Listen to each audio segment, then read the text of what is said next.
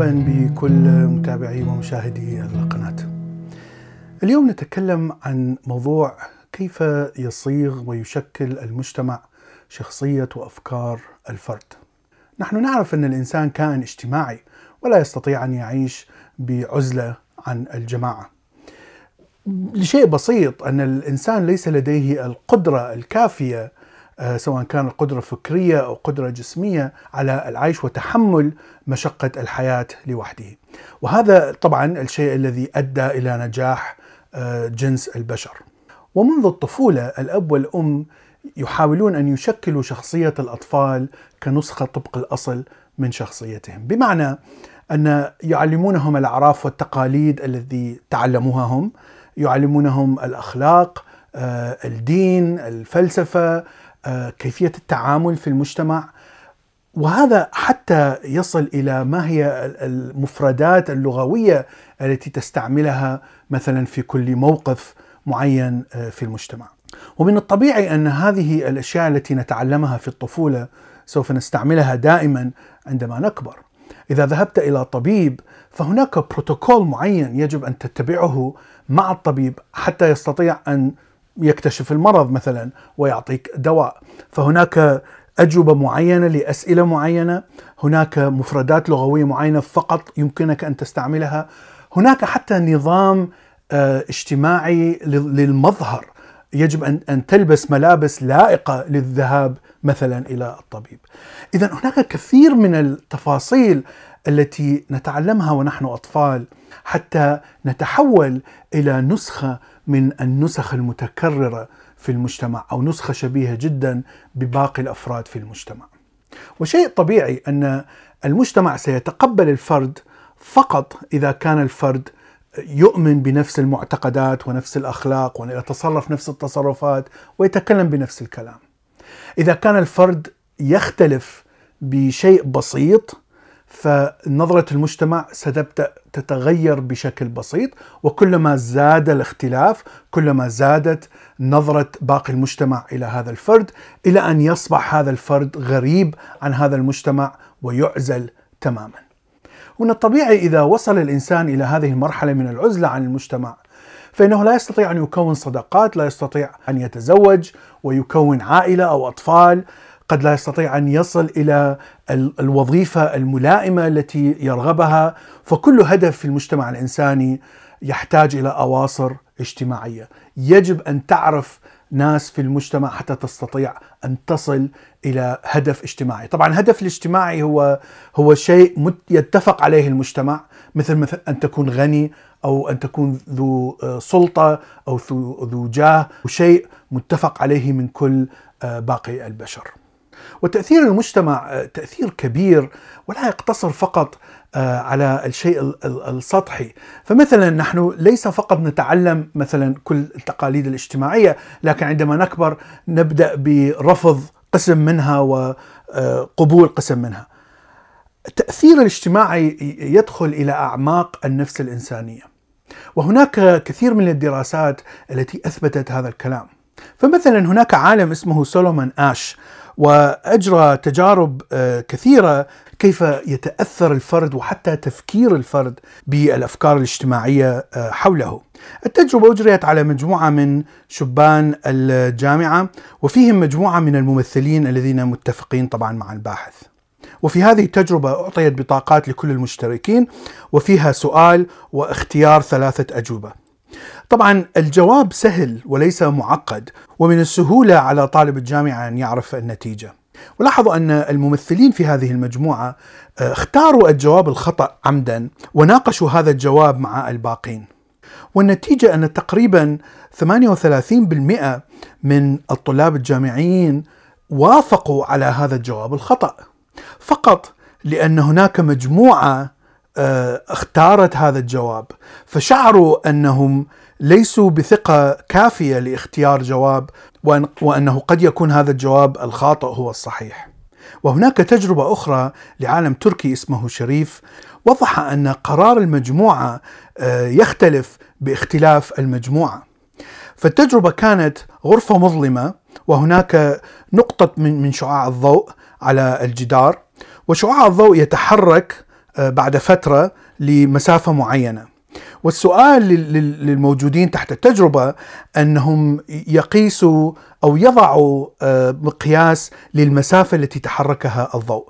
وطبعا لأن الغرفة مظلمة فإن آه، تقدير مسافة اللي يتحركها الضوء صعبه جدا لأنه لا يوجد عندنا آه، بداية واضحة ونهاية واضحة في ظلام الغرفة.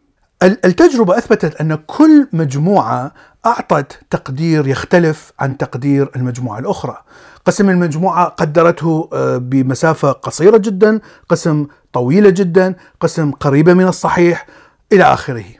اذا قرار المجموعة يختلف باختلاف ربما آه، أول شخص آه، أعطى رأيه، ربما هذا هو الرأي الذي يتأثر به الباقين. أو ربما يكون الشخص الذي أعطى رأي بثقة كبيرة ويفرض شخصيته على الآخرين هو الذي انتصر وقبل جميع الآخرين بهذا الرأي.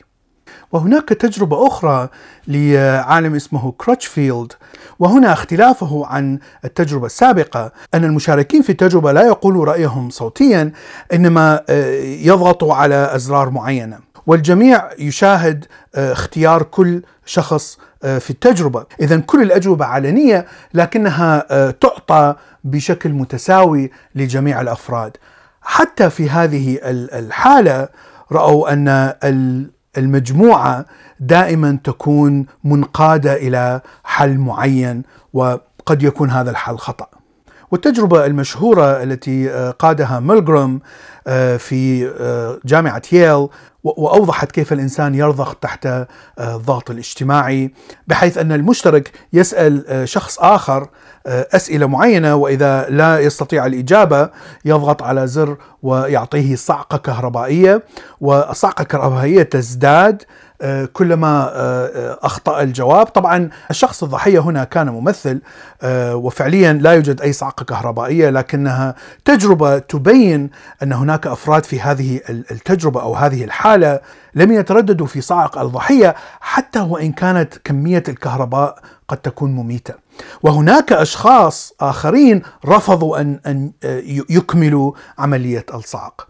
وكانت نسبة المشتركين الذين لم يترددوا في اتخاذ قرار آه، صعق الكهرباء المميتة هو أكثر من 50% 26 شخص من 40 وهذه نسبة عالية جدا وهو شيء خطير جدا وهو يفسر كيف تنتشر أنظمة الفاشية مثلا في المجتمعات سواء كانت مجتمعات آه، متخلفة أو مجتمعات متطورة مثل آه، النازية في ألمانيا والفاشية في إيطاليا.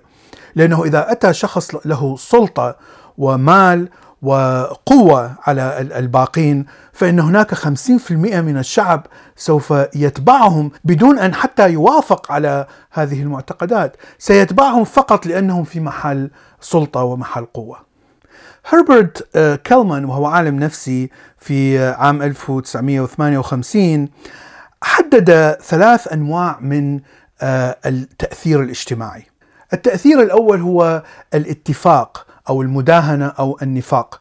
بمعنى أن, أن الإنسان يتفق معك في الكلام وفي الظاهر لكنه في الباطن يختلف معك. قد يكون اختلاف 100% وهذا نراه في كل المجتمعات آه، التي خاصة التي تفرض آه، آراء معينة بالقوة. آه، أحسن مثال هو المجتمعات الدينية مثلا. التي تفرض الدين والتقاليد الدينية بالقوة على آه، كل أفراد المجتمع وحتى الإنسان الذي يرفض جزء أو أو كل أفكار الدين لا يستطيع أن يبوح بهذا. النوع الثاني من التأثير هو التعريفي بمعنى أنك تتعرف على شخصية معينة قد تكون شخصية سياسية، شخصية دينية، شخصية رياضية وتتأثر بهذا الشخص بشكل كبير ومن ثم تبدأ بأخذ صفات أقوال آه، أخلاق هذا الشخص وتبدأ بتطبيقها آه، في حياتك اليومية. والنوع الثالث من التاثير الاجتماعي هو التأثير الداخلي وهو الأشياء التي يتقبلها الفرد آه، من المجتمع في السر والعلانية. طريقة الكلام، طريقة التعامل المبادئ العامة الأخلاقية لا تسرق لا تكذب لا تؤذي. فهذه الأشياء أنت مقتنع أنها صحيحة وإن كانت هي تفرض من المجتمع على الأفراد. أعتقد أن المشكلة في آه، تأثير المجتمع على الشخص هي ما يسمى بالكونفورميتي بمعنى أنك تشابه القطيع أو تتحول إلى جزء من القطيع.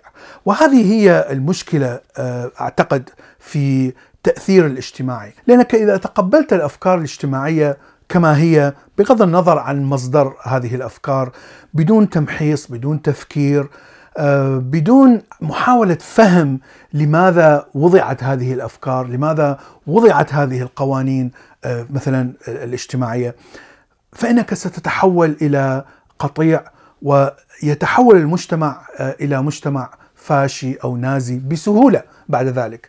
المجتمع الألماني آه، مجتمع حي جدا ودائما ترى في الإعلام الألماني آه، بروز المعارضة الشديدة للنازية الجديدة مثلا في ألمانيا.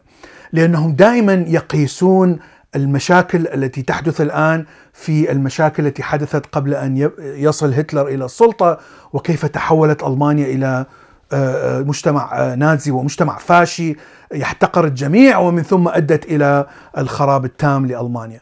هذا هو المجتمع الذي يستطيع أن يقاوم ثقافة القطيع أو الكونفورميتي. هذا ما اردت أن أقوله اليوم، شكرا لكم وإلى اللقاء في حلقة